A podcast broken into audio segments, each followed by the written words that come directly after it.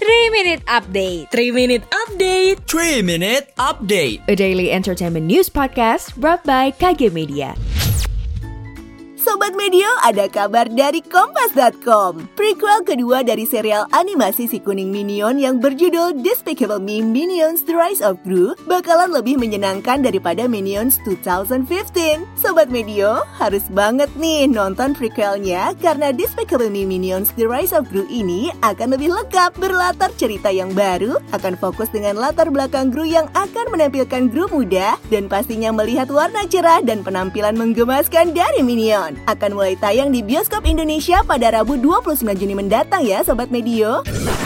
Selanjutnya dari grid.id, Marsyanda sempat dikabarkan hilang pada Senin 27 Juni lalu melalui Instagram story sahabatnya Sheila Salsabila. Akhirnya adik Marsyanda Alicia buka suara terkait kabar hilangnya sang kakak di Los Angeles, Amerika Serikat. Melalui unggahan di story Instagramnya pada Senin 27 Juni lalu, Alicia menegaskan kalau Marsyanda tidak menghilang. Alicia juga mengungkapkan saat ini mantan istri Ben Kasyafani itu dalam kondisi baik-baik saja. Meski kakaknya nggak menghilang, Alicia mengucapkan terima kasih kepada semua pihak yang sudah turut membantu dan memberi dukungan. Alicia juga meminta waktu pihak keluarga diberikan ruang privasi sampai situasi terkendali.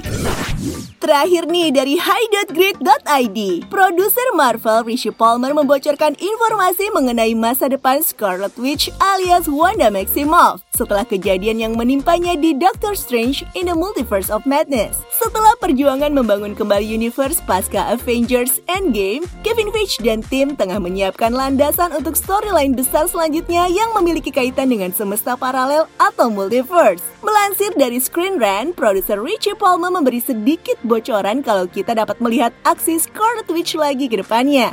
Melanjutkan ceritanya yang sempat menjadi villain di Doctor Strange in the Multiverse of Madness, Wanda berpotensi akan mendapatkan cerita tobatnya mengingat kebanyakan yang ia bunuh berasal dari planet bumi Universe 838. Atau mungkin bisa jadi malah Wanda dari Universe 838 yang akan mendapatkan perannya di masa depan. Wah, jadi nggak sabar ya Sobat Medio. Demikian 3 Minutes Update hari ini. Saya Sindita Septiana, pamit. Jangan lupa dengarkan update terbaru lainnya.